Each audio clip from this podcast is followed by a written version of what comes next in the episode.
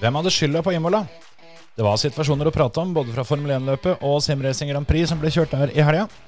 I tillegg er Marc Marquez tilbake i MotoGP, og til helga så er det VRC igjen.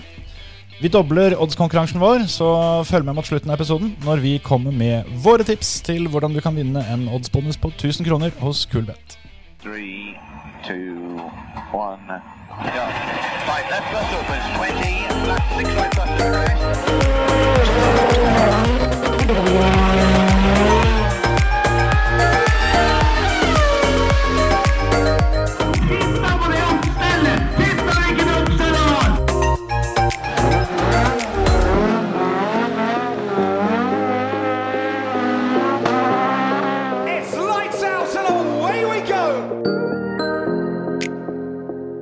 Velkommen til en ny episode av Føremøtet. Er du på plass i dag, Terje? Det er jeg, vet du. Og du, Emil? Ja, ja, ja. Det er helt supert. Klokkereint. Klokkereint, rett og slett. I dag skal vi prøve å være litt effektive. Vi skal pløye gjennom en hel haug med moro. Og eh, det er vel bare å hoppe i det. Eller er det noen som skal dra en uh, litt dårlig vits før vi begynner? Nei, jeg sparer min. Ok. Har du noe å melde, Emil? Nei, eller, ellers takk. Det, Ok. Men eh, skal vi ikke bare begynne med Vi begynner på den feteste banen. Vi tar eh, Det er ikke Imola. Det er ikke Imola, det er Portimao. Så det blir MotoGP først. Hva syns du om det, Emil? Er det verdt å prate om dette Ja. løpet? absolutt, absolutt. Jeg skal bare skyte inn det at jeg, eh, jeg gjorde alle, alt jeg kunne for at jeg denne gangen skulle få sett på MotoGP-løp. Jeg var faktisk så tidlig ute at jeg fikk sett på litt Moto 3 og litt sånn forskjellig kjas først. Men så hadde jeg vært såpass eh, streng med unga at jeg fikk dem til å la far være i fred. Og det, når det endelig ble rolig, så sovna jeg. Så jeg fikk ikke sett MotoGP-løp så veldig mye. Noe, noe fikk jeg sett, da. Har, har du fått med hvem som- vant? Ja, jeg eh, kvikna til en uh, siste halve runda sånn cirka. Så gjør jo stort sett det. Så, så akkurat det fikk jeg med meg, og det var fint. Han har du hørt om. Han har jeg hørt om. Han, han, han kjenner jeg. Hvem- var det, da? Quartararo. Ja, ikke sant? Han var overlegen, han, gitt. Yes. Men eh, var det en av dere som, eh, som fikk kikka på løpet, som, eh, som har noe å fortelle om alt det jeg ikke fikk med meg, da, kanskje? Ja, jeg tenkte det at det Jeg, jeg håpa ikke det at det var vi to som skulle dra denne MotoGP-praten her nå. For det, vi, har, vi har en Jeg ekspert måtte da bare det. få opp, noe, noen lister her. Det skjedde jo litt av, litt av hvert, men eh, det største som skjedde, var vel kanskje før løpet. Altså da på allerede under qualifying så var det jo en banerekord som ble sletta pga. gule flagg.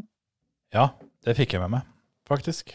Men det, det skjedde noe altså, enda mer før det, at eh, Marc Marquez eh, var tilbake igjen. Det var kanskje noe av det største.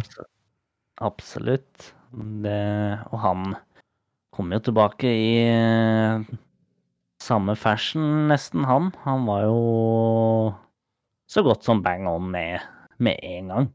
Ja. Det var jo Starta, sjukt. han starta i andre rekka, gjorde han ikke det? Så det var jo rimelig, rimelig statement, det, å komme tilbake og, og være, være i toppen.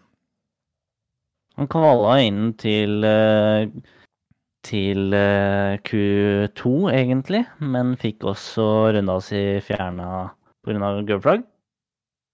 Så måtte en tur eh, sammen med Juan Mir i Q1. Og der, eh, der vant han, et halvt eh, tiendedel foran Mir. Og Mir var ikke så imponert over måten Marquez kjørte qualifying på, fordi han, eh, han heiv seg rett og slett på hjul, han, og nesten så han eh, hadde lyst til å være med sykkelen hans på tur, rett og slett, fordi han eh, kjørte close. Der fikk vi også en liten video tilsendt eh, tidligere i uka av, akkurat det, som eh, Marquez eh, ligger på hjulet der og til slutt brenner seg for seint og er nødt til å kjøre si, eh, tredje par utvendig for å ikke ta med seg sykkelen foran. Ja, det var eh, Det var gøy å, å se, og, og som sagt, da, så var det jo egentlig da i Q2 så var det jo eh, Francesco Bagnaia som tok qualifyinga og tok banerekorden med, med god margin. Og vi snakker fire tiendedeler eh, ned til andremann som da var Quartararo. Og fikk da den runda sletta og måtte starte på ellevte grid istedenfor uh, i pole. Det var vel såpass drøyt at den tida Quartararo uh, endte med, var vel også banerekord? Ja, det Så- var det for så vidt. så det å det bare- sakte. Nei, ikke sant? Så det å bare liksom komme meg i tid som er over fire tideler bedre, det, det er ganske Supermann. Ja, det var ganske, ganske sjuk runde av begge to. Og den runden som Bagnaia hadde, var bare helt ufattelig god. Og det viser jo at Ducatin begynner jo å spise litt innpå da, på de europeiske banene som, eh, som Yama og Suzuki og KTM og Honda og alle henger med på på en måte ha forspranget, da. Det er moro. Kult det når det er litt, eh, er litt close. Absolutt. men Og det var jo, det var jo veldig close. Under løpet der sånn, så den racebacen som Quateraro hadde, den, eh, den var rimelig imponerende, altså. Det var det. det Rins prøvde jo det han kunne, han med å, med å holde følge, men det gikk til slutt over grensa. Ja, og det er klart, han holdt jo et så høyt tempo at Rins, eh, som vanligvis er ganske stabil, spesielt mot slutten av løpet da, med Suzukien, er, klarte ikke å, å holde tempoet oppe hele veien, og til slutt begynte å pushe for mye, og da ga hjulet etter, da. Den, den banen der altså, når de har liksom lean angle på, ligger på sånn 40-50 grader, og sykkelen er tipper, tipp, 260. ja, sykkelen tipper på noen og 60. Det er eh, helt det- sjukt åssen de kjører, altså. Det var jo Rins og Quartararo som stakk litt av fra Sarko. Johan Sarko på tredje der en periode. Og så gikk jo Sarko i bakken også, fordi han prøvde å pushe litt for hardt. Fordi så at eh, Mir og Bagnaia kom bak der, og gjorde det egentlig enda litt mer spennende for, eh, for andre- og tredjeplassen. Men eh, det var altså Bagnaia som trakk lengste strået, kjørte desidert fortest. Og klarte å spise seg opp fra 11. til andre, så det var jo ufattelig bra. Så jeg også um, Brad Binder i KTM. Han henta jo inn da Bagnaya, Mir og Morbidelli ganske greit mot slutten der. Og de engelske kommentatorene fall sa hadde han hatt et par runder til, så skulle han fått noe å jobbe med, for han hadde drøyt tempo mot slutten der. Ja, til og med Morbidelli hadde vel eh, Hadde han hatt en halv runde til, så hadde nok han også stikket nesa på innsida av Miri, tenker jeg. Men, eh, men Binder har eh, virkelig begynt å å ta seg opp på søndag, da. spesielt god på søndagene. Så det våkner og det er race. Det er viktig, det. Men Marques Marquez da, inn på sjuendeplass, er godkjent til å være comeback-løp, syns du? Absolutt, fordi vi så jo allerede på treninga at han sleit med håndleddet sitt. Så Og han fikk jo aldri kjøre Portimao på på sykkel under løp, da. Så han har jo ikke vært der i løpssituasjonen før. Så det var jo en helt ny, ny bane for han sånn sett. Så det er jo vanskelig. Og, og ennå å komme i mål på sjuende, så er jo det absolutt innafor. Tipper han var eh, bra shake i den armen hans når han var ferdig. For han har vel ikke fått bygd opp nok, eh, nok styrke der til at det egentlig skal holde et helt løp.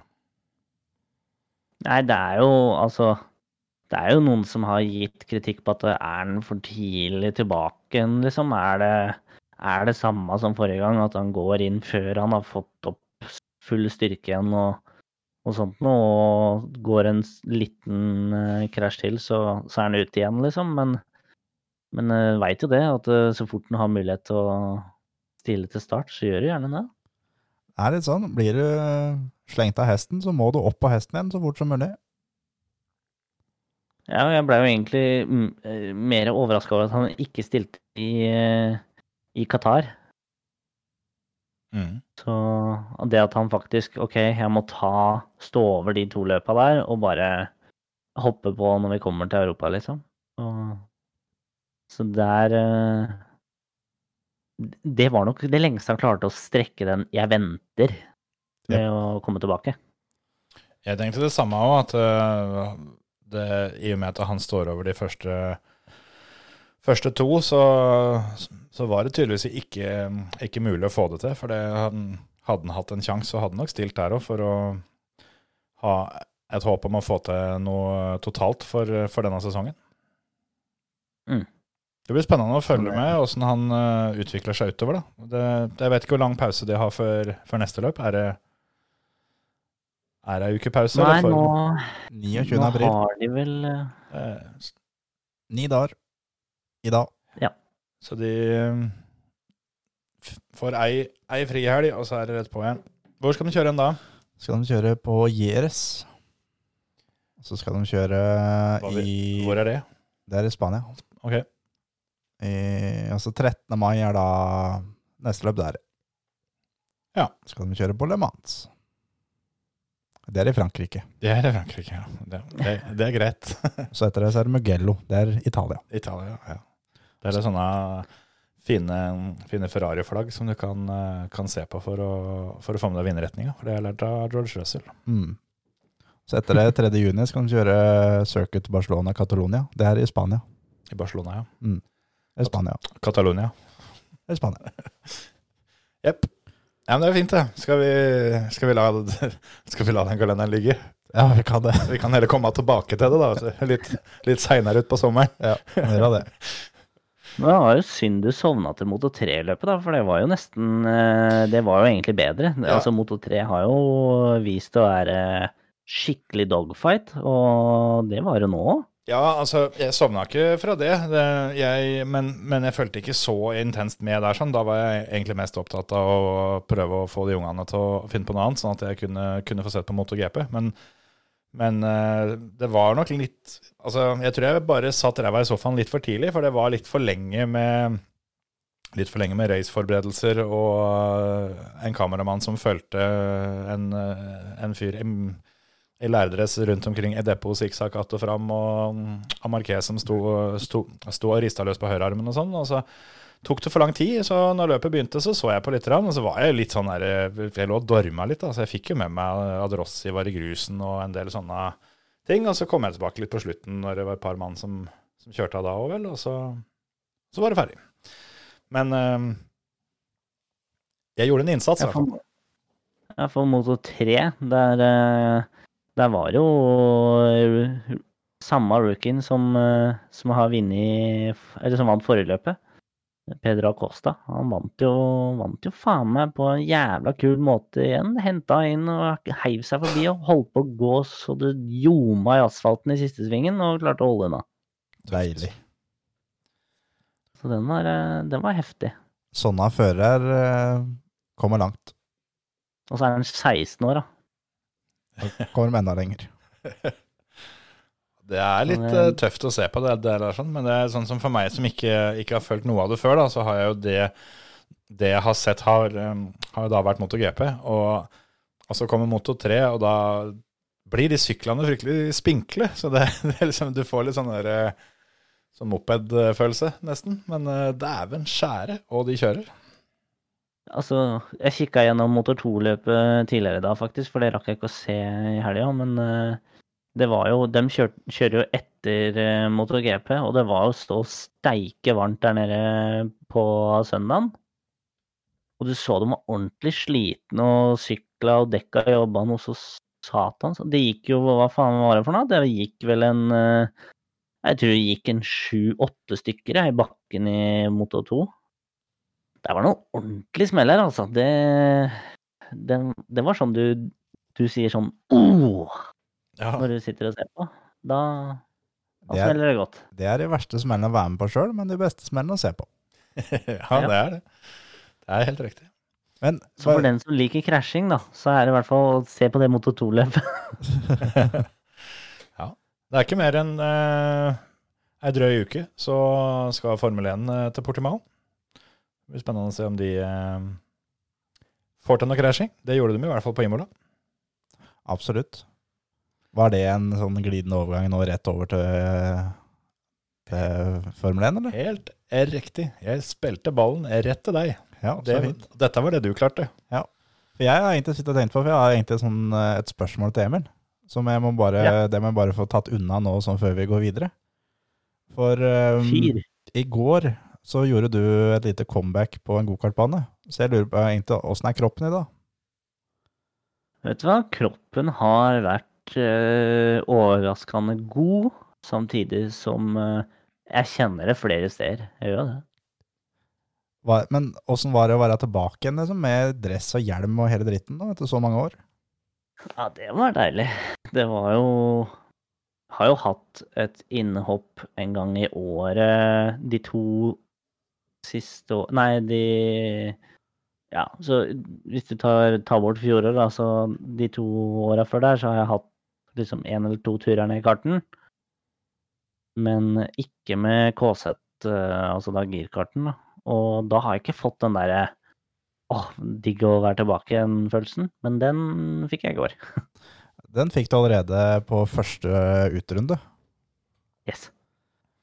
Er vi, er vi klare for Formel 1 nå, eller, Terje? Ja, nå er vi klare. Ja, ja. For det, det var nå dette, det, dette spørsmålet måtte komme. Det kunne ikke kommet etterpå, liksom. Ja, det, jeg kom på det nå. Å ja, ja. ja. Nei, men det, sånn er det. Jeg er nødt til å begynne å skrive manus, tror jeg. Ja, ikke sant. Det er derfor jeg prøver å liksom spille av ballen. Da, vet du, noen Fordi du har manus. Nei, jeg har ikke noe manus, men eh, Nei da, sånn, sånt driver vi ikke med. Men da kan ikke, du, eh, kan ikke du bare dra oss i land på Formel 1, da? Det var jo løp i helga. Ja, det var eh, løp i helga. Ikke uventa så var det Max Verstappen som vant. Og han vant eh, ganske overlegent. Som gjorde at uh, Ungan Donsen uh, vant penger på oddsen, Det, Ja, jøs. rett og slett. Det der, der eh, var ikke verst. Jeg eh, tenkte litt over det. At de fleste av de der langoddserne vi kom med, kom med forrige uke, de som det var litt saft i, det var ikke noe særlig, det ikke noe særlig gulltips, det, for å si det sånn. Det gikk eh, ikke akkurat dritbra med Science, og det gikk Det var ikke noe som var i nærheten av noe seier til Bottas på verken eh, kval eller løp eller noen ting, så Men, men tipset med Science på pallen var den nærmeste vi kom. Ja, jeg var vel faktisk inne på Science i topp 10, som ga noe sånt som 1,6 eller 1,7 i odds, at jeg mente det var et av de største verdispillene. Det ville jo gått inn, men eh, jeg er jo altfor tjukk i huet til at jeg faktisk spilte det, så jeg tenkte at eh, vi får spille litt nærmere helga, men da var jo selvfølgelig alt forandra. Ja. Så eh, det er jo litt viktig. Eh, Når dere hører på oss og vi kommer med disse oddstipsa våre, så må dere ta høyde for at dette her må dere få ut fingeren på og få spilt tvert. For det, jo nærmere det kommer, og jo, jo mer eh, info fra treninger og sånne ting, og shakedowns og sånt, som, eh, som kommer, jo flatere blir den oddsen. Sånn at Eller altså Det vi anser som en fordel, da. Hvis vi har rett, så blir den fordelen fjerna. Sånn at da blir oddsen lavere. Ja, det gjør den. Har vi feil, så blir vi lurt, for da, da går oddsen opp, og vi tror at her er det enda mer penger å tjene. tjene. så går antakeligvis dritt allikevel. Ja. Nei, altså, eh, Verstappen vant. Uh, Hamilton hadde et rimelig køddent løp, men kom så opp til en andreplass eh, til slutt. Og Landon Norris ble nummer tre, etter kanskje noe av det bedre løpet jeg har sett fra han ever. Ja, bedre helga, vil jeg nesten si. Ja. Han, eh, han var ikke så forbanna bra på trening, men eh, når, når det ble alvor, så skrudde han på. Fy faen, og han kjørte. Absolutt. Han uh, kvala egentlig tre, men eh, fikk runda si sletta pga. track limits, og måtte starte sju eller åtte rundt der. Ja, starta vel eh, rett bak Ricardo eller noe sånt, ja. Så sjuendeplass. Ja. Og da jobba seg oppover til å bli nummer eh, tre. Og holdt unna for begge Ferrariene eh, egentlig helt siden siste restarten som Mm. kom. Og det var så genistrek av han å få kjørt forbi eh, var vel Leclerc som han kjørte forbi altså med en gang da så restarten kom. Fordi at eh, Ferrarien er ikke så veldig bra i dirty air, altså ligger bak en annen bil.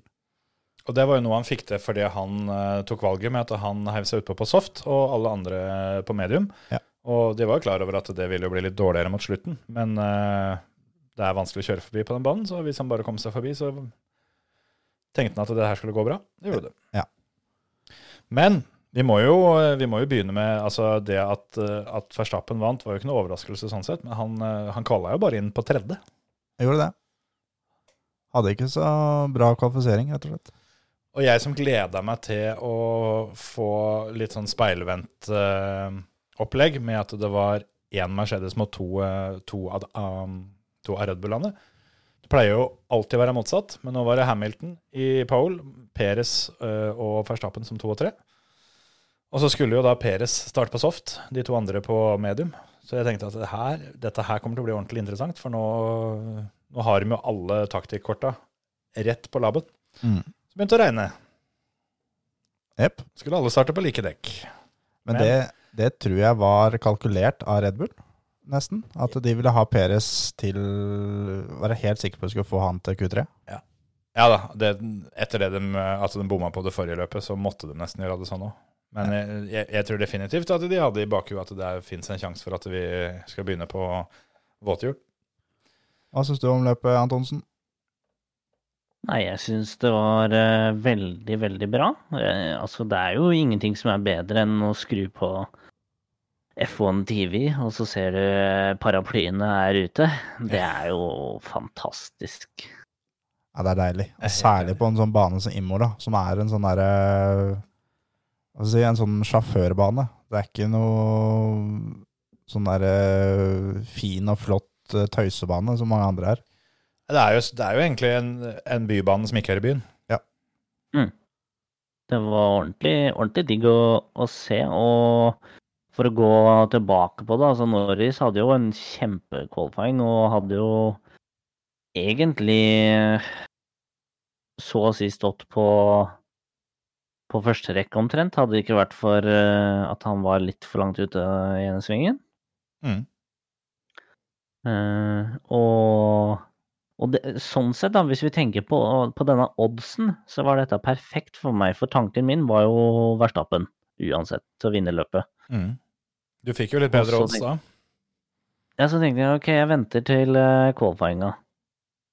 Og, uh, og han satte jo den qualifying-tida si med to hjul på utsida av banen, i grusen. Ja, sånn at eh, det. du visste jo at det uansett skulle vært tørt, så hadde han jo hatt peisen allikevel. Og da gikk jo oddsen på han eh, opp med en gang, og da var det bare klin til, da. Ikke sant? Og hvis det- blir det regn, så er det ikke noe problem for Max å vinne. For han er jo sjukt god på regn, han òg. Mm. Jeg tror øh, hadde det vært øh, Hamilton får veldig mye skade i turn 1. Mm. Hadde han kommet hadde, hadde begge bilene kommet ut av turn 2 eh, like hele, da hadde det blitt en jævlig dogfight. For det var de to sjåførene som er best på regn, mot hverandre. Mm. Mm. Men det skal jo sies det at sjøl om, eh, om alle, alle skulle starte på like dekk, så var det ikke dermed sagt at de, de var nødt til å stape at de var nødt til å starte i likt gir. Nei. Verstappen han eh, heiv ned toeren, han. ja, hvis det er lov å si, så smatt den inn der rett før starten gikk. Helt eh, ekstremt bra. Og så er det det eh, Under bilene så blir det på en måte da tørt. eh, når de har stått da og venta på, på start. Og Verstappen utnytta det helt perfekt, for han brukte da sin tørre lomme. Og så kjørte han inn i den lomma hvor Hamilton hadde stått, og brukte begge to for å få mest mulig traction Mm. ut fra start. Så det var en ekstremt imponerende start av unge Max. Ja, Det der funka helt perfekt for han. Og Hamilton fokuserte jo tydeligvis mest på Perez, og var opptatt av å gå ut der og sperre for han. Og da, da var det ledig på inneren, da. Ja, Verstappen var på sida av Hamilton før han lagt å legge både andre og tredje, så han rakk jo nesten aldri å sperre for han. Det gikk unna. Det var, eh, det var ganske heftig å se på. Det var jo bare det vi så, for alle bak det var jo bare ei svær sky av vann. Sånn som det blir når det er vått. Og det, det er sånn vi liker det. Ja. Har dere sett den onboarden eh, fra starten til Science, eller? ja, jeg så det. Det går spott og rolig og pent og forsiktig, altså. Jeg har ikke sett den. Det er faen ikke rart, da. Du ser jo ikke mm, Så vidt det er jo så vidt du ser eh, Håper å si tåke og regnlysa deres uh, rett foran snuta på det. Mm. Det er helt fullstendig null sikt. Deilig. Det er også bare en jævlig god start. Altså den starten til Science, den var også jævlig bra. Science leverte et uh, ekstremt bra løp, syns jeg. Han gjorde masse feil. Det var mye på utsida av banen og grusen og alt sammen, men han uh, henta seg inn og opp igjen og uh, er med i fighten om pallen, rett og slett, uh, mot slutten av løpet. Så han syns jeg leverte et ekstremt bra løp. Bedre enn en, um, Leclerc. Ja, han var ikke mange sekundene bak. Han var halvannet sekund bak, eh, bak Leclerc og bare noen sekunder eh, bak Norris igjen. Eh, Så det der, der kunne definitivt blitt, blitt pallplass, det, altså. Det sier jo litt om Science, da, som kan da bare hoppe rett inn i Ferrarien, aldri kjørt den, og på en måte henge så bra på med Leclerc, og også være kjappere enn Leclerc. Da, nå allerede etter så få løp, så, så tyder jo det på at eh, så fort uh, Science får litt mer feeling med bilen, og litt mer selvtillit igjen, så kan uh, Leclerc bare glemme at han får uh, goden av å kunne benytte seg av denne teamordren som som regel kommer. Ja, helt enig. Det er jo sylsmå marginer som gjør at Science faktisk ryker ut i Q2, for det, det gjorde han jo òg. Og det, hvis han kommer seg en fire-fem hakk, hakk fram i starten, der, sånn, så, så blir det et, et helt annet spill for han òg. Det gjør det. Men apropos det, det var ganske mange eh, s, som hadde, hadde mye rare feil. Og det var jo allerede før løpet begynte. Jeg hørte vel snakk om at eh, Alonso han hadde vel vært en tur av banen På vei til plata. Ja, bare Det var ikke formation lap, liksom. Det var, det var når han skulle kjøre fram til plata. Mm. Og det, det begynte der, og så var det jo eh, under, eh, under formasjonsrunder og safety car der og alt sammen som Sånn som Peres, da, som er vel inne i sin ellevte sesong, som ender opp med å gjøre en feil med at han ikke, ikke kan reglene for når du kan hente tilbake posisjonen din og ikke. Og Kimmi gjorde vel akkurat det samme. Det er vel to av de mest rutinerte førerne utpå der. Eh, feilen var at Kimi ikke gjorde det. Ja, Han valgte å Han fikk beskjed av teamet sitt at du bare blir der hvor du er, fordi Det er ikke trygt, rett og slett. var vel, Ja. ja. Så, men Perez eh, snurra jo da under safety car, og bare blåste forbi bilene igjen med en gang, og fikk jo da straff pga. det. Mm. Så han hadde i grunnen et ganske labert og skuffende løp, syns jeg. Perez, altså. Ja, Jeg syns jo med tanke på det at han sto ti sekunder i pit lane, og enda så var han med i topp fire, og, og hadde jo et par beste rundetider der, og, og pacen var jo bra gjennom hele helga. Han bare røra litt mye. Ja, akkurat det. Og det, jeg tenkte, tenkte på akkurat det samme. At eh, han viser at farta er der så til de grader, eh, og det må være deilig for Christian Horner. Eh, nå, Ja. nå har han to mann, eh, endelig, og så er det bare sånne tullefeil som gjør det, og det, det kommer han jo ikke til å gjøre hver helg, da. Det, det kan han jo selvfølgelig slå fast. Så det blir spennende, altså. Det, det der sånn endelig, føler jeg. For det var dette Peres gjorde mer feil under løpet enn det Sonoda gjorde. Som da var Ja. kjør, kjører sitt andre Formel 1-løp, og Sonoda også snurra under, under løpet. Ja. Mm. Men uh, Sonoda Skal- skal begynte jo først på at- kvalen da, med å bare få knust den der bilen. ja.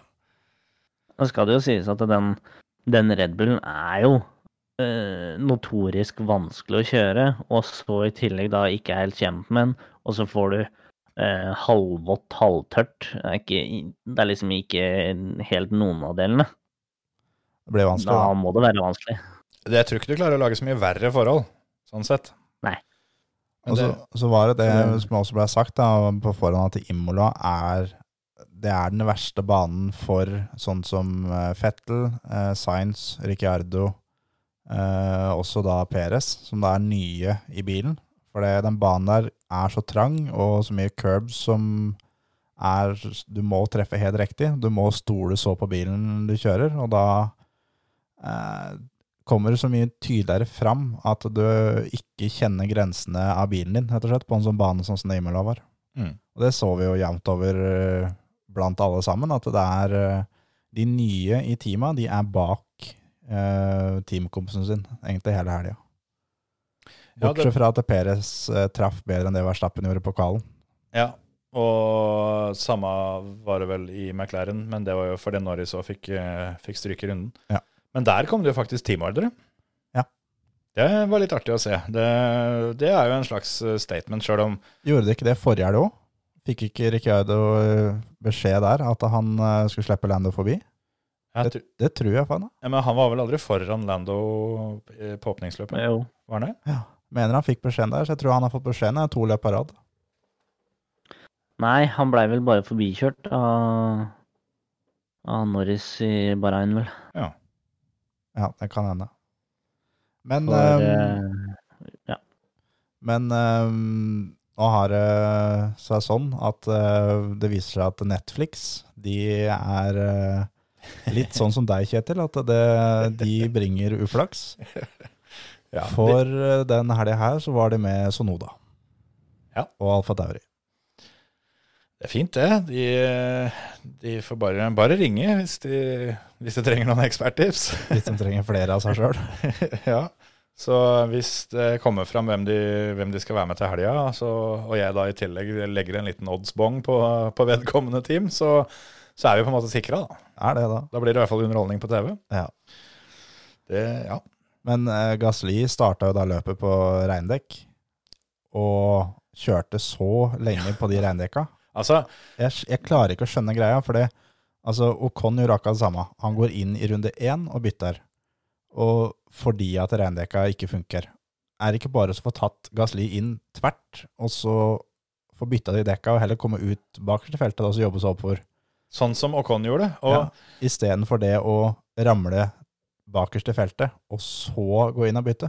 Ja, og det sjuke var jo det at det, det virka ikke som de skjønte greia før Ocon, som hadde vært inne og bytta, tok en Gasly. Ja. Da først ble han sendt inn. Men de hadde vel sannsynligvis regna seg ute, da, at det de, det de tapte, skulle ende opp med å bli mindre enn eh, pitstoppet, eh, fordi de håpa at det skulle, skulle tørke opp kjappere. Så det var vel derfor de antageligvis tviholdt på det. da, At de, de håpa de skulle kunne heve på noe mediums og så dure ut på. Men eh, det skjønte de altfor seint, og det Ja, det fucka det jo opp litt, men uh, han ender jo på sjuendeplass allikevel, Gasly, da, så det, han, han redda seg inn. Jeg tror han, uh, tror han trives på den banen. Han kunne gjort det så fryktelig mye bedre, tror jeg. Ja. Kvalla inn fem Men- og endte løpet sju med de der uh, problemene der. Men se for dere at uh, sånn som det var, da. Det var jo spådd litt forskjellig. Det er noen så mer regn, noen så mindre regn. Og det er klart dem som så på det med mindre regn, hadde jo riktig, da. Men se for dere at det som da Alfa Tauri sitter på av informasjon om at det kommer til å regne mer. De sier jo det på radioen flere ganger. Nå regner det i depot, det regner i depot, liksom. Nå kommer det mer regn. Se for dere da Gasly starter såpass høyt opp. Eneste med regnhjul Ja. vil jo bare reist ifra. Ja. Men det, det som da er litt merkelig, da, er at de slipper Sonoda ut på intermediate. Hadde de vært så sikre, så burde de oppsi jeg mener at de burde ikke gamble med Gasli, da, som starta så langt fram. De burde heller gamble med Sonoda. Jeg tenker jo det at de har sikkert da sett at eh, OK, hvis uh, Gasly, som vi veit er eh, trygg, han er kjapp uansett, liksom Hvis han får regnhjul, og det er full klaff, så vinner han løpet, liksom. Det, er, det er ganske bankers òg, faktisk. Og det er sånn, da, da har du en av begge, da. Da har du Gasly på, på vått, og så har du Sunoda på intermediates. Så får du et greit resultat uansett, på en måte. Så I tillegg så starta Sunoda bakerst, så der, der rekker de eh, å ta hensyn til alle andre også. Altså Hvis eh, nummer 1, 2 og 3 går inn, så er, det, er han såpass langt bak at da kan de sende inn han òg. Mens eh, Ja. Nei, det der, der eh, Det var en gamble, og eh, den, den funka ikke i det hele tatt. Men de var altfor sta, så de fucka jo egentlig opp hele løpet hans. Dessverre. Men sånn er det. det var jo litt sånn andre veien òg, for den, den som var først inne og bytta til tørrhjul, var Fettel. Og det var litt ille, det òg, men der tror jeg samtlige andre team gjerne vil, vi sende en blomst til den som tok den avgjørelsen der. For alle var sugende, men så turte de ikke være første bil inn. Og når første bilen gikk inn, så så så de det at ok, da kan vi vente til han som kjører på tørrhjul, er kjappere enn oss. Ja. Mm. Men noen må jo, må jo være først inn, og det blir jo samme sak det òg. At hvis den gambelen der funker, så funker det skikkelig, altså. Ja, det gjør det. Da er det, det er mange sekunder på runda. Og Fettel hadde jo kjappest runde i løpet fram til smellen med Bottas og Russell. Mm. Da hadde de andre også kjørt eh, stønn på, på slikt, så tempoet som Fettel kom opp med der som var, eh, var ganske bra. Men han eh, eh, fikk jo da straff for det mm, hadde problemer med bremsene på begge bilene, både Stroll og Vettel. At eh, bremsene bak overoppheta på vei til plata. Og på Fettel sin så rakk de ikke å fikse det, så han måtte starte fra pitten. Og i tillegg fikk da tidsstraff etterpå. Og måtte til slutt da bryte pga. problemene. Men um, han slår fortsatt begge ha-spillerne, sjøl om han bryter. Og de Ja. kjørte til målflagget. Ja, gjør han det? Ja. ja, ja, han får jo like mye poeng som dem, da, men, Jo, jo. men, men, men gøy er det allikevel. og Ja, for den var to runder bak, og han var bare én runde bak. For det på resultatlista så er det da Giovinazzi 14, Fettel did not finish, Mick Schumacher 16. Ja, det stemmer det. DNF-en kommer, kommer der, og så er det pluss eh, to laps på de to andre gutta. Så. ja, ja. Trivelig det, da. Jeg veit ikke jeg hvor eh, gøy Gene Haas og Gunther Steiner syns dette Formel 1-greiene er lenger. Nei, men jeg så et intervju med Gunther hvor, hvor eh, det her var et tema. Hvor han ble spurt om det at eh, ja, Har dere ikke tenkt oss å bare, bare oppgradere bilen litt, da? Bare liksom følge opp lite grann? Og, og som han sa da, at dette her er alle innforstått med, og det handler om eh, at å utvikle bilen Si vi ender opp med å bruke 10 millioner på det, da, og så kanskje det vi oppnår med det, er at vi kanskje slår Alfa Romeo, kanskje vi klarer å slå Williams. Og da ender vi med at vi kanskje da ender opp med 4-5 millioner mer i premiepenger. Da er det 6 millioner i minus. Eh, Jo, jo. Det, det er jo for, En ting er at, at bilen går sakte. Det var heller det at de to førerne de, som eh, de sitter med, klarer ikke å kjøre bilen. Nei, det er sant. Det, det var heller den, den veien jeg tenkte. For det, Mazepin er jo da gjennomsyra ræva. Det er han jo. Men eh, nå klarte Mick Schumacher å gjøre en ganske grei eh, blemme i helga, han òg. Det, akkurat det der er jo greit. Men sånn sett så er jo timinga god, da. At nå har de en- den aller lengste Formel 1-sesongen i historien på å prøve å ikke være ræva før det faktisk betyr noe neste år. Jeg tror, går, jeg tror Mazepin går gjennom hele sesongen. Jeg må snurre minst én gang hvert løp. Det, det, det ville vært helt krise, faktisk. For det Jeg han trodde han skulle klare hele løpet uten å spinne, men han klarte jaggu faen et par runder før mål. Ja, ja, ja. Uten problemer.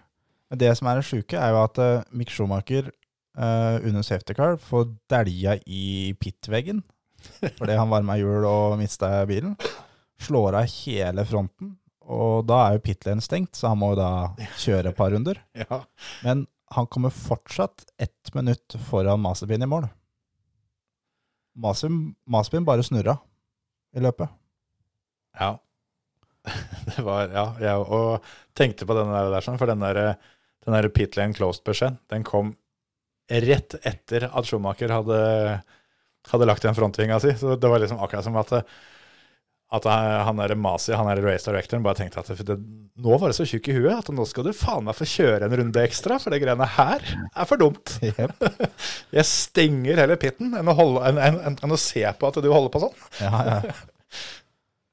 Men, Det er eh, litt sånn som med Russell, da. Det er jo Du lærer ganske bra av eh, akkurat det der. Altså både han, eh, altså da Schumacher og Russell, lærer jo hvordan de ikke skal varme hjul under eh, safety car, da. Ja. ja, det gjør de. Det er en sånn feil som du forhåpentligvis bare gjør én gang. Du, at du skjønner greia. Dette her var ikke noe lurt. Ja. det er, jeg skulle ønske jeg skulle si det samme om Aspin med den snurringa, at det er en feil du forhåpentligvis bare gjør én gang. Ja. Men um, tror ikke det, ass. Det var jo litt vittig òg, for det, når han dro av på treninga i siste svingen der, så var det først litt prat om det at ja, ja, men det er en fryktelig vanskelig sving, og når han først får hjulet på utsida der, sånn, så da er, da, da er løpet kjørt. Og så i løpet av helga så, så vi at Hamilton og Verstappen og Science alle Fettel, sammen. Alonso, hele gjengen er på utsida der en gang iblant. De fikk, eh, fikk høyre bakhjul på utsida på akkurat samme måten. Ingen av dem lot seg, lot seg affektere omtrent i det hele tatt. Bare dura videre. Men vi var jo veldig kort inn på Russell her. Vi må jo gå gjennom eh, Ja. smellen med Bottas og, og Russell. Hvem sin skyld er det, Emil? Hvis du skulle gitt en straff til en av dem, hvem hadde gitt straff til? Hvis jeg må gi straff, Ja. så da hadde jeg gitt den til Bottas. Eh, fordi det er, ikke, det er ikke alle som ser den, men den lille brå til høyre han tar der sånn, så den er ikke så tydelig sånn som vi ser den, i og med at det, det svinger til venstre og naturlig tørrlinje er ganske rett fram der. Men den lille frekke, den høyre flikken han gjør, det er snakk om liksom hva da, 10 centimeter? Mm. Det gjør at eh, Russell har ikke sjans til å vite hvor langt ut eh, Bottas har tenkt å gå. Så han må gå lenger ut. Eh, Så selvfølgelig, i det perfekte scenarioet, så ville jo Russell bare dratt av sjøl, på en måte. Mm. Men eh, i dette tilfellet så, så er det jo den derre Det er jo sånn som faren min sa, han har jo irritert seg over at eh, det er noe Formel 1-folk har begynt med i det siste tiåret, egentlig. At de ser det kommer en i full fart, enten på ytteren eller inneren, så har det blitt en sånn skremmetaktikk å liksom gi en sånn liten røkk inn mot dem, som gjør at de går av gassen eller går lenger ut eller inn eller whatever. Mm. Og det er livsfarlig. Og det er, jo, det er jo ikke uten grunn at Russell kommer bort og sier at eh, hva faen, prøver du å drepe oss, eller? Ja, jeg, òg tenkte det samme. Jeg, jeg prøvde faktisk også å kikke, kikke på en del andre situasjoner, og det er, det, det er ingen av de andre som, eh, som, som, som tar det sporet Bottas tar, er det ingen av de andre som blir forbikjørt på samme sted som tar. Men uh, samtidig så kom vel Russell opp på sida litt tidligere enn det de andre situasjonene gjorde òg. Og så er det det at Russell Det, det var ingen andre som kjørte forbi der uh, i det våte med stikkshjul uh, som det Russell gjorde. Så tidlig, for det var Det var, det, det var første flying-lappen etter eh, Bottas hadde bytta, i hvert fall. Han hadde outlap, og så var dette her runde to. Ja. Så det var en litt sånn Hva skal jeg si Hadde, vridd rollene der, og det hadde vært Bottas, så hadde ikke han prøvd seg på den forbikjøringen der fordi at eh, det er vått, rett og slett. Så det er litt sånn Det er, det er ganske kjipt av Bottas, den som han tar, men det er også en ganske rookie mistake av Russell å faktisk prøve akkurat der. Jeg tenkte, tenkte litt sånn det at uh, Til å begynne med så var jeg veldig på det at dette her var litt dickhead av Bottas, og, og det er det jo. Men på den annen side så tenker jeg at dette, dette er det aller øverste nivået du får inn, innenfor motorsport. Så det skal være litt hardt. Men uh, jeg er litt uh, der at hvis en av de er nødt til å få et eller annet, så er jeg også enig i at da ville jeg valgt Bottas. Men jeg tror jeg heller ville, jeg ville gitt kjefta til Bottas for det at uh, hva er det du egentlig har drevet med da, som driver og fighter med en uh, fuckings Williams? Ja, for det, det er litt det vi, vi må ikke glemme det. At det er uh, Bottas i en Mercedes blir faktisk da prøvd forbikjørt av en Williams på langsletta. Ja, og med Det er ikke sikkert at det var i tankene deres i det hele tatt, men, men du kan være helt sikker på at Bottas har fått med seg det at det er absolutt alle omtrent går nå og forventer at det er han som skal kjøre forbi, som skal ta jobben hans neste sesong. Ja. Men uh, nå kan det da se ut som at uh, den smellen der har uh, gjort sånn at Mercedes må utsette noen av oppgraderingene de har tenkt. Fordi nå må det bygges Nå må de bruke mer penger på en ny bil istedenfor uh, oppgraderinger. Mm. Så det var en, en kjip smell, sånn sett, sånn for Mercedes sin del. Absolutt. Altså, Jeg ville jo uansett på den der ville jeg jo gjort sånn som de gjorde. Jeg ville jo dømt uh, altså typisk race incident, da. Ja. Og Ja. det er jo det riktige, for det er dick move av Bottas, men det er ikke direkte noe ulovlig heller.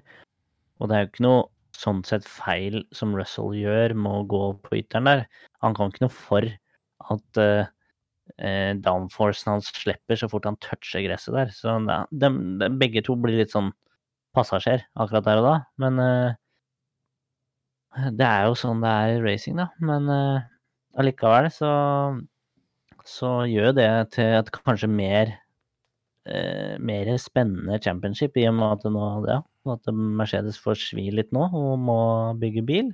Og det Mm. tror jeg blir eh, veldig godt for eh, Red Bull. Jeg tenkte på at de, de er jo blitt favorittene nå, nå som eh, Hamilton og Mercedes prøver å pushe dem til å bli favoritter. Nå blir de favoritter. Men jeg tenkte på en annen ting òg, at uh, uh, dette her var jo det ultimate uh, ultimate wingman-movet fra, fra Bottas. Uten at han var klar over det sjøl, men i og med at det har vært et tema, så det her skjer jo rett etter at Hamilton driter seg ut. Og uten eh, at eh, denne smellen mellom Bottas og Russell eh, hadde skjedd, så hadde aldri i verden Hamilton kommet på annenplass.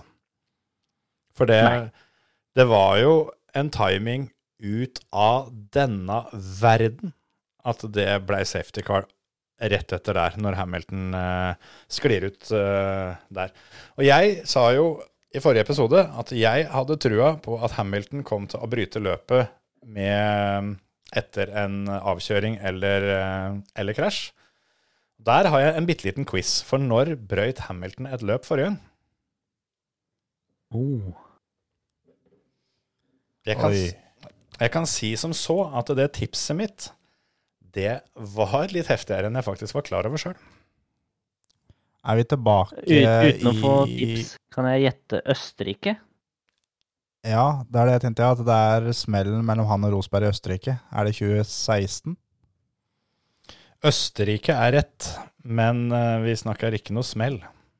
Nei, Og vi for det var ikke når 2016. eh, Det var når uh, Verstappen vant, hvor han uh, Var ikke det det løpet han tok igjen uh, Gasly på, da? Det var i 2018. Og Ja, tok en Gasly med en runde. det kan godt stemme, akkurat det har jeg ikke helt kontroll på. Nei. Men uh, i, i 2018, og så er jo da oppfølgingsspørsmålet Når var forrige gang Hamilton brøyt pga. en avkjøring eller en kollisjon? For det er lenger siden. Er det Ja, da står jeg fortsatt med Østerrike 2016. Igjen så er vi på fem- tipper- 50% riktig. Skal du tippe, Emil? Hva sa du nå? Nei, jeg, hadde Jeg sa at Terje hadde 50% riktig. Akkurat som, uh, som i stad. ja, men, hva, hva var det du tippa der? i? Østerrike 16 var det ikke da Rosberg uh, og han øh, var uh, i hverandre? Ja, da tipper jeg Tipper jeg Silverstone, ja.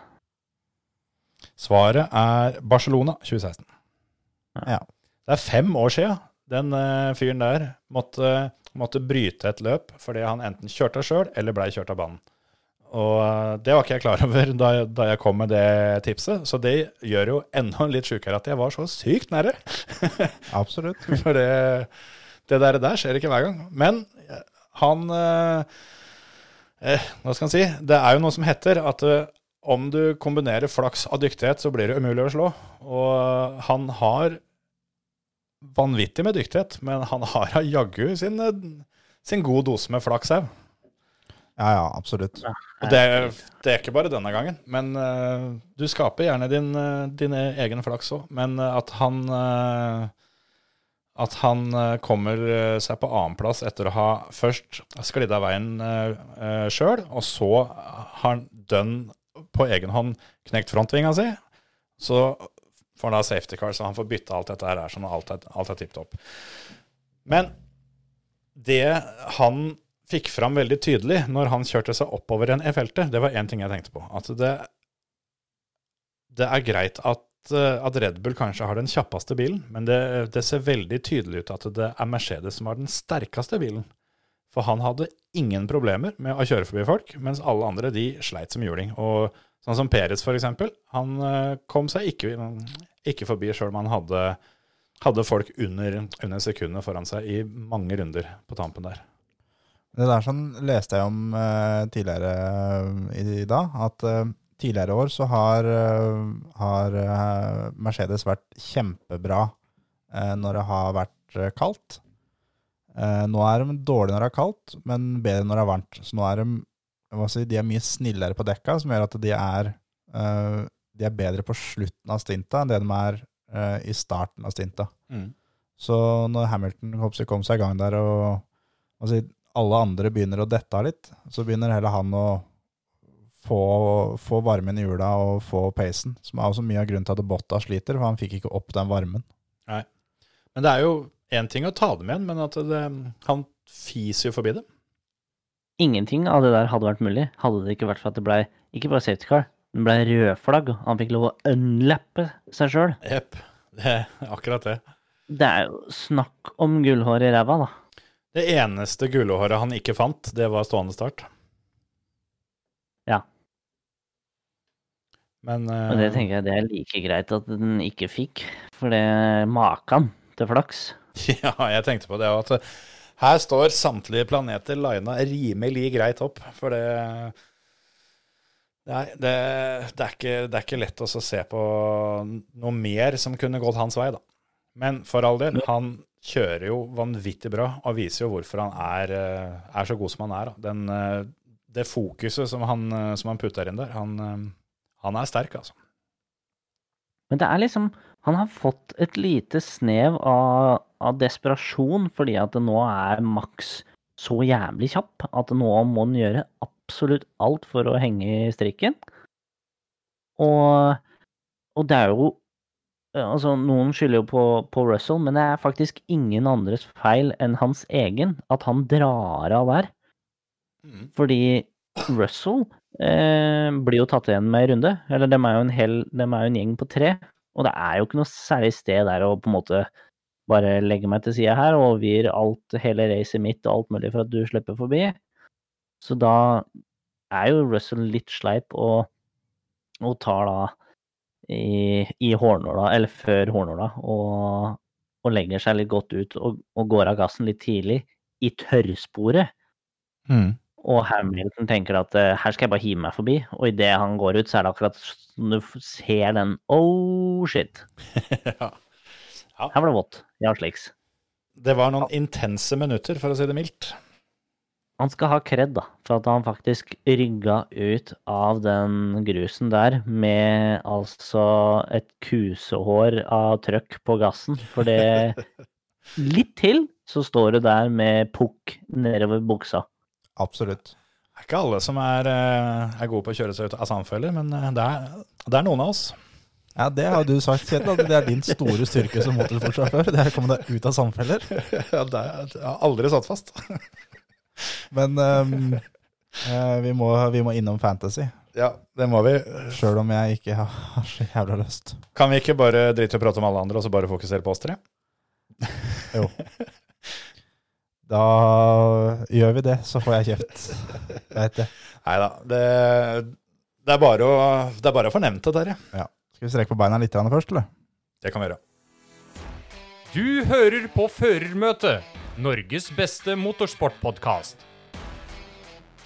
Vi kan jo si at vi er 75 stykker som er med i ligaen vår på eh, F1 Fantasy.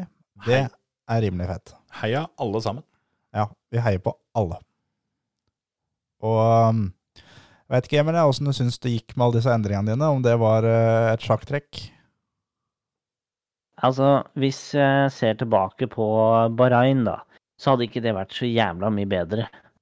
Så jeg, jeg vet hva, jeg er eh, sånn passe fornøyd. Jeg hadde jo selvfølgelig håpa at Perez ikke kunne stå i bukken, da, for at det, det er ikke så ofte jeg eh, faktisk eh, kjefter litt på TV-en når eh, noen står i grusen fra en fjerdeplass. Men det var fordi at turbodriveren min, han sto igjen i pukken. ja.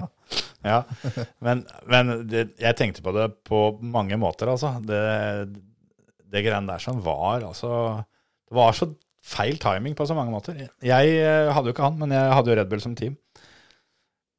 Men du hadde vel antagelig slått meg hvis han hadde eh, holdt seg på banen, så sånn sett var det greit.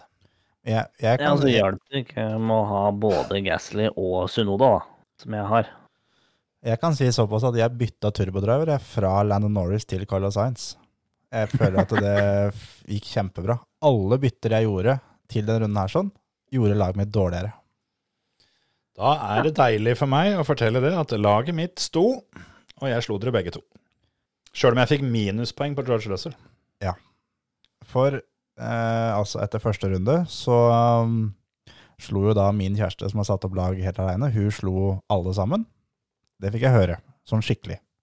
Og søndagen som var nå, så ble det gått inn og sjekka lag på nytt. Og første som ble sjekka, var jo da hennes poengsum mot meg, selvfølgelig, og hun slo meg. Det ble et helvete, sier det pent. Og så sjekka vi Emil, og hun slo Emil. Så sjekka vi deg, Kjetil, og dere er likt på poeng. Så sånn sett så er hun bedre enn alle oss igjen. Det her var jo en super gladnyhet, for jeg trodde hun slo meg med ett poeng. Nei da, dere tok 190 poeng begge to. Delt seier. We win! Så totalt nå så er Emil nummer 56, jeg er nummer 37, Kjetil er nummer 24. Heia meg, heia meg, heia meg. Det skal sies at jeg har rykka opp seks plasser, Ja, du er så flink at så det. noe bedring. Ja. Noe bedring. Det er det. Du, du tok mer poeng nå enn forrige runde, det gjorde du. Så er det ca. 20 foran oss som har brukt den der megadriver-chipen, da, som uh... De 16 første har gjort det. Ja. Så Ole, Ole Morten Tangen på 17. Han er beste som ikke har brukt megadriver. Men hvem er det som leder sammenlagt? Det er altså, det, det, det, å, det å bruke megadriver er fullt lovlig, det. Det er noe alle, alle kan gjøre bare én gang. Så, så sånn sett, eh, ikke noe feil med det. Jeg Veit ikke fulle navnet, men det er Marius K med teamet MK is faster than you. Så er Torstein Rån Preus på andreplass. Da er det dem vi skal ta igjen. For uh, Jeg visste ikke at vi hadde sånn uh, megadriver, jeg. Hadde du fyra megadriveren på Verstappen uh, den helga her, sånn, så hadde du fått mer poeng. hadde du lukta fugl. Da får du um, trippel. Og det er noe du kan Oh. bruke to ganger. En gang i første halvdel av sesongen, så får du det tilbake igjen. Så kan du bruke det en gang i andre halvdel av sesongen. Og da kan du også bruke det på Verstappen og Hamilton. Så Se den, du. den er ikke så dum. Så da veit vi det, at Emil kommer til å bruke det neste løp. For uh, altså Verstappen uten uh, megadriver-rollen tok 44 poeng. Med megadriver-rollen så tar Verstappen, skal vi se, 44, ganger- 132. ja, 44 ganger 3. Ja. Så sånn er det. Nei, men da Jeg tror i utgangspunktet at jeg kjører samme taktikk etter Portimao. Jeg tror jeg lar gutta stå. Jeg kan ikke skjønne at dette her skal kunne gå til helvete. Nå har jeg slått dere to ganger med dette laget, og never change a winning team. Så jeg, jeg skal ikke bytte på laget før, før dere har slått meg. Jeg endra på laget mitt i rein frustrasjon søndagskveld, så jeg er klar. Jeg, eh, Mitt jeg, liv skal Jeg faktisk si det nå, at eh, det, det laget jeg har, det står helt til jeg blir slått av en av dere. Med mindre det er et eller annet sånn uforutsett som eh, at eh, det ene teamet går konk og ikke stiller til start, liksom. Da, da skal jeg bytte om. Jeg har endra så mye at jeg har nå en sjåfør fra Has på laget. God bedring. Lykke til. Han har tatt mer poeng enn Russell så langt. Schumacher har tatt 25 poeng på de to løpene her i Fantasy, så Ja, George Russell fikk jo minus 11 nå, nå forrige gang, så han har vel ikke så forbanna mye totalt. altså, ja, han- er, han er på røde tall, han, for han fikk vel seks i det første. Så um, nei da, Schumacher er inne på laget mitt. Du skulle ikke bare tatt masterpin med en gang, da, når du liksom Nei, men Det er tydeligvis da om å ha den beste i Ja, teamet. ja, ja, stemmer det. Du må, du må vinne, vinne kvalen mot teamkompisen din og vinne løpet og sånn. Ja, Ja, helt riktig. den er ganske trygg på Schumacher. Ja, forholdsvis trygg der. Ja. Det, men det jo er jo en ting. eh, Nå har vi snakka lenge om Formel 1, så vi skal, vi, skal kutte ut. Men Uh, Verstappen ble slått av en teamkompis for første gang på veldig lenge. Og det samme gjaldt vel Alonso. Det var jo årevis siden en, eh, en av de hadde tapt en kvalduell. Alonso har ikke blitt slått siden 2017, da. Men han har jo stått over litt, da. Jo, jo. Verstappen mener jeg var Det var, ikke, det var omtrent like, like mange løp som, eh, som hadde gått siden, siden han tapte. Verstappen har vunnet løp eh, hvert år, han er i seks år nå. Det er ganske rått å være så ung. Ganske rått. Han er, han er 23 år. Ja. Vunnet Formel 1-løp seks år på rad. Godkjent. den, da. Det, det, det er bare tull, rett og slett. Ja.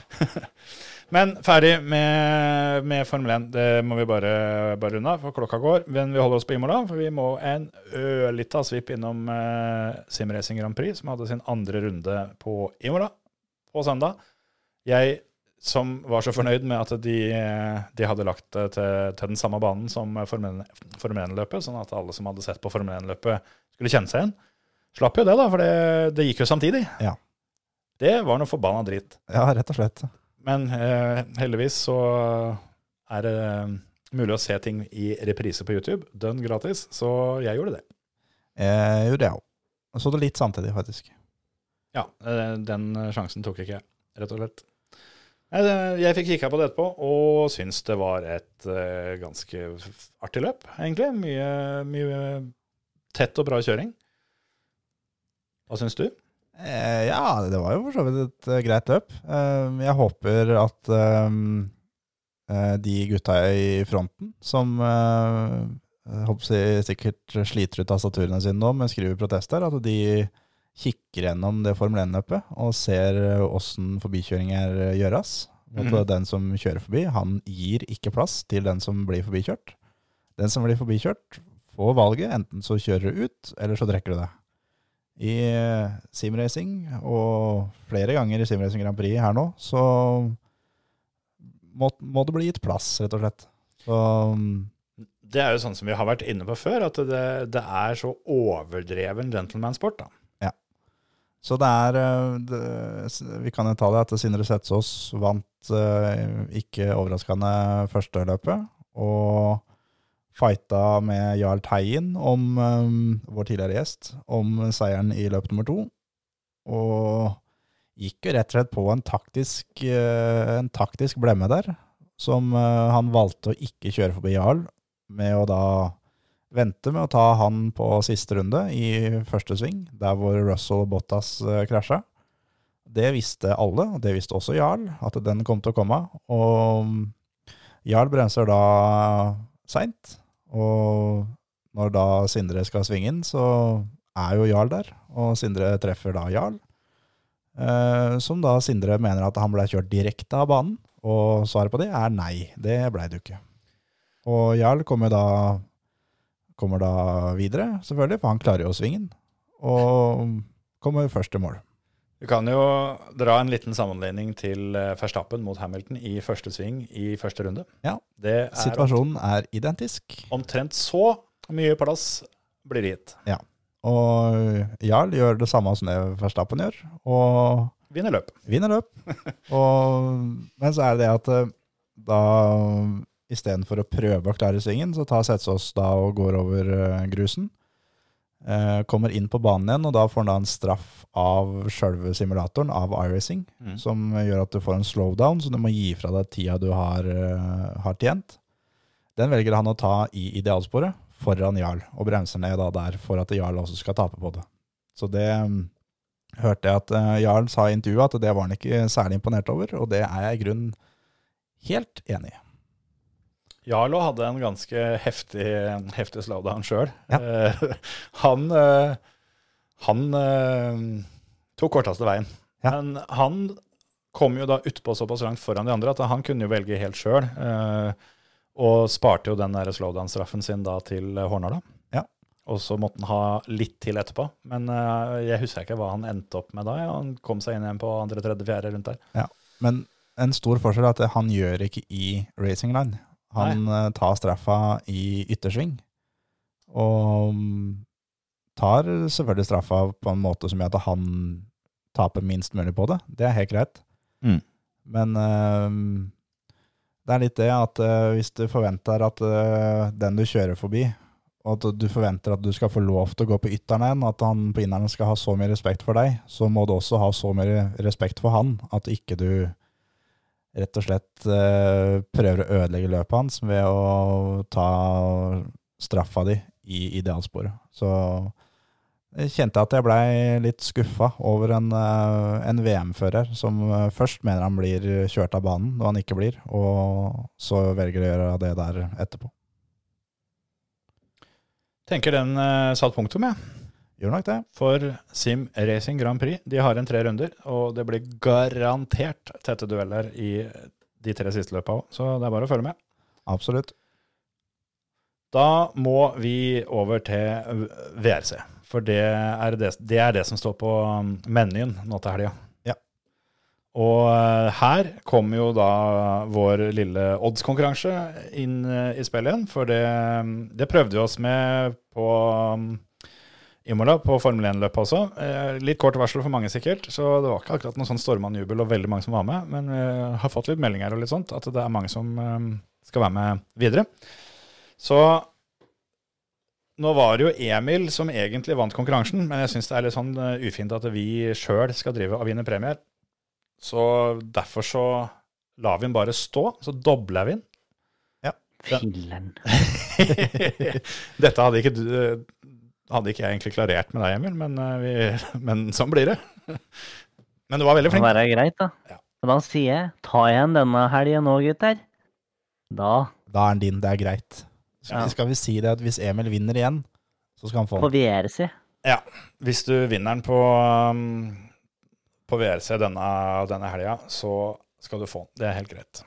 Vi kan Klinke inn eh, Greensmith, da, vet du. Så er Han- det, det er gjort, da. Jeg, jeg skal bare si det. riktig. At Det er faktisk gjort. at, uh, ja, for Greensmith har 500 i odds på å vinne dette løpet her. Ja, Den som har nest høyest odds, har 250. Han kjører sitt første VRC-løp. Det er, det er så, så iskaldt, uh, dette Gus Greensmith-toget, at det, det, det, er ingen som har trua. Han er med bare for at de må ha med. Ja. Men jeg regner med han skal stå på fantasy-laget ditt allikevel, han Emil. Ja da. Har du kikka på noe, eh, på noe som peker seg ut da, Terje? Er Har du en kandidat til ukas spill? Eh, jeg har jo egentlig det. Jeg syns, eh, og som vi nevnte i, stad, at eh, oddsen er jo nå da på en tirsdag når vi spiller inn. Og på torsdag når episoden kommer, så kan mye ha endra seg. Men akkurat nå så står Ilfen Evans til seks i odds til å vinne løpet.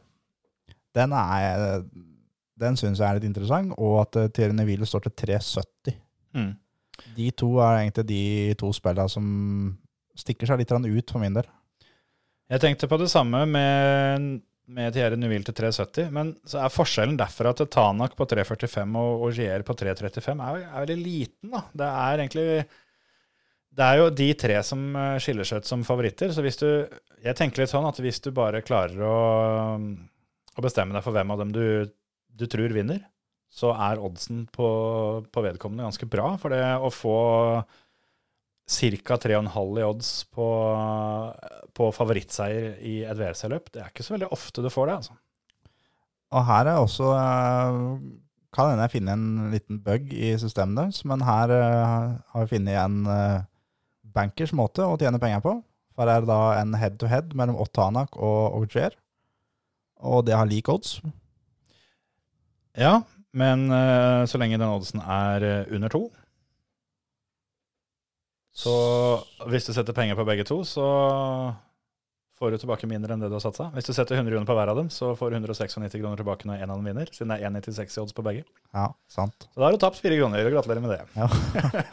thank you, thank you. Men eh, det er eh, sant at det er uh, Coolbets eh, utvalgte oddsboost, som de kaller det. De har ofte det på en del eh, ting, både motorsport og fotball og alt annet, som de har ett spill som de har økt odds på. Eh, og det har hun valgt å ta head-to-head-duellen mellom Otanak og Sebastian Augier, hvor du får 1,96 i odds på den du tror vinner. Det er ganske bra, det må jeg si. For eh, vanligvis så ville vel oddsen der ligge på 1,85 eller noe sånt på begge to.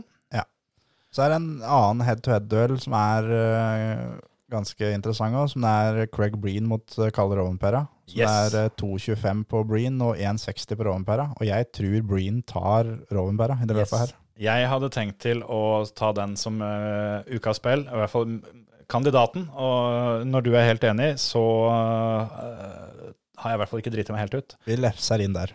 Craig Breen uh, skal kjøre. Han uh, kjørte et asfaltløp med R5 her i San Remo for eh, 14 år siden eller noe sånt. Vant det løpet. Det var eh, ålreit motstand der. Kalle Romanpera er jo på en måte Wonderboyen i, VL i VRC-sirkuset. Han eh, Leder VM. leder VM, starter først på veien osv. Men han er ikke kjent for å være så jæklig bra på asfalt. Craig Breen derimot, han, eh, han er ganske OK på asfalt. Ja, det er så decent. så 2,25 på Craig Breen, head to head mot Kalle Romanpera. Løp og kjøp. Rett og slett. Konkurransen er da som følger. Dere må gå inn på Kulbet og spille på valgfri odds eh, som har med Kroatia-løpet å gjøre, VRC Kroatia. Dere finner det i menyen under rally. Eh, og så poster dere et, eh, et skjermdumpbilde av bongen deres i eh, kommentarfeltet på Facebooken vår. Vi skal prøve å lage vår egen tråd denne gangen. Det er litt enklere å finne da, kanskje. Men vi får med oss uansett hvilken tråd du dytter deg inn i. Eller om du vil sende på en privat melding, hvis du har Ja. lyst til det. Ja da, hvis du, hvis du vil det. Hvis ikke du vil at er kjerringa skal se at du spiller på rallybiler. det er eh, et godt poeng. Hvis, eh, hvis ikke du vil ut med det, så, så gjør det på den måten. Og den som vinner med den høyeste oddsen, vinner konkurransen.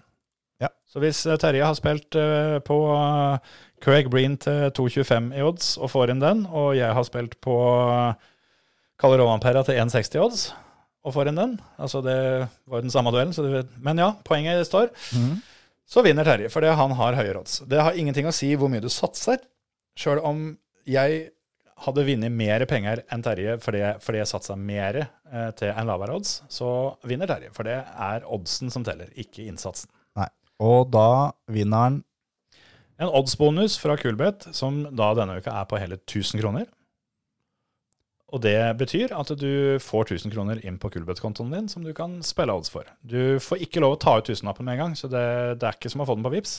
Men etter å ha spilt oddsform, du må omsette det, jeg tror det er seks ganger, til en odds på 1,50 eller mer, så er penga dine. Det er eh, enkle penger, det. Det er faktisk det, og de har jo odds på absolutt alt omtrent i hele verden. Jeg har sett dem har odds på VM i snooker som går om dagen, som jeg følger litt med på. Og de har odds på noe padel-greier som har blitt så jævla populært. Og ja, de har odds på alt. Noe politikk og Melodi Grand Prix og alt mulig rart.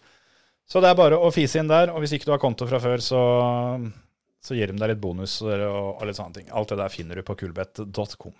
Jeg bare sier, Emil, slenger du inn 50 kroner på at Greensmith eh, vinner, sitter igjen med 25 laken. Solgt! Skal vi si at det var det, da? Jeg tenker det får være bra, jeg. Vi går ut på den. Ja. Ha det, folkens! Ha det. Ha det!